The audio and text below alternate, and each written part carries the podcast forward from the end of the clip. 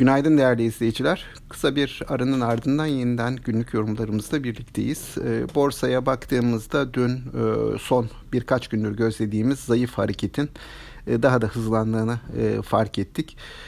Amerika piyasaları genelde bu süre içerisinde yukarı yönlü hareketini devam ettirdiler. Her gün yeni rekorlar kırıldı teknoloji hisseleri öncülüğünde. Dünkü yükselişin temel motivasyonu yurt dışında ABD-Çin ticaret görüşmelerinden gelen ılımlı haberlerdi.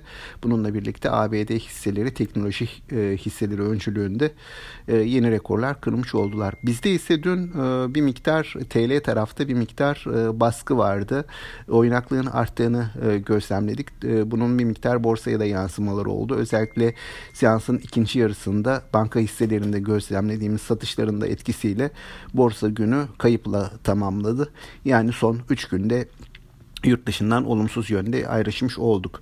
Genel e, görüntüye bakıldığında küresel piyasalarda e, bir yandan Covid-19'un yayılma hızı yeniden e, ön plana çıkıyor. Özellikle Avrupa'da e, yeniden vaka sayılarında hızlı artışlar var.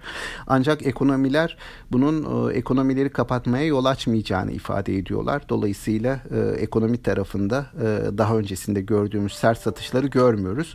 Bununla birlikte gerek bol likidite gerek Amerikan seçimlerinin yaklaşması ve buna dönük beklentiler e, Amerika'da özellikle hisse senetlerine dönük ilgiyi canlı tutuyor. E, yurt dışı tarafta piyasalar haftanın yeni kalanında Fed'in mesajlarına odaklanacak. E, biliyorsunuz bu yarın Jackson Hole toplantıları sanal olarak yapılıyor. Burada Fed'in vereceği mesajlar para politikası açısından yön verici olacak ve piyasalar bunu merakla dikkatle bekliyorlar. E, bizim açımızdansa bölgesel gelişmeler ön planda bu aralar. Özellikle Doğu Akdeniz'de Yunanistan ile yaşanan gerginlik ve bu noktada e, Avrupa Birliği'nden Amerika'dan gelen açıklamalar takip ediliyor. Bunlar takip edilmeye devam edilecek. E, piyasada e, bir süredir hani bir satış baskısı gözlemliyoruz. Bu özellikle TL taraftaki oynaklıkla ilgili olduğunu düşünüyorum.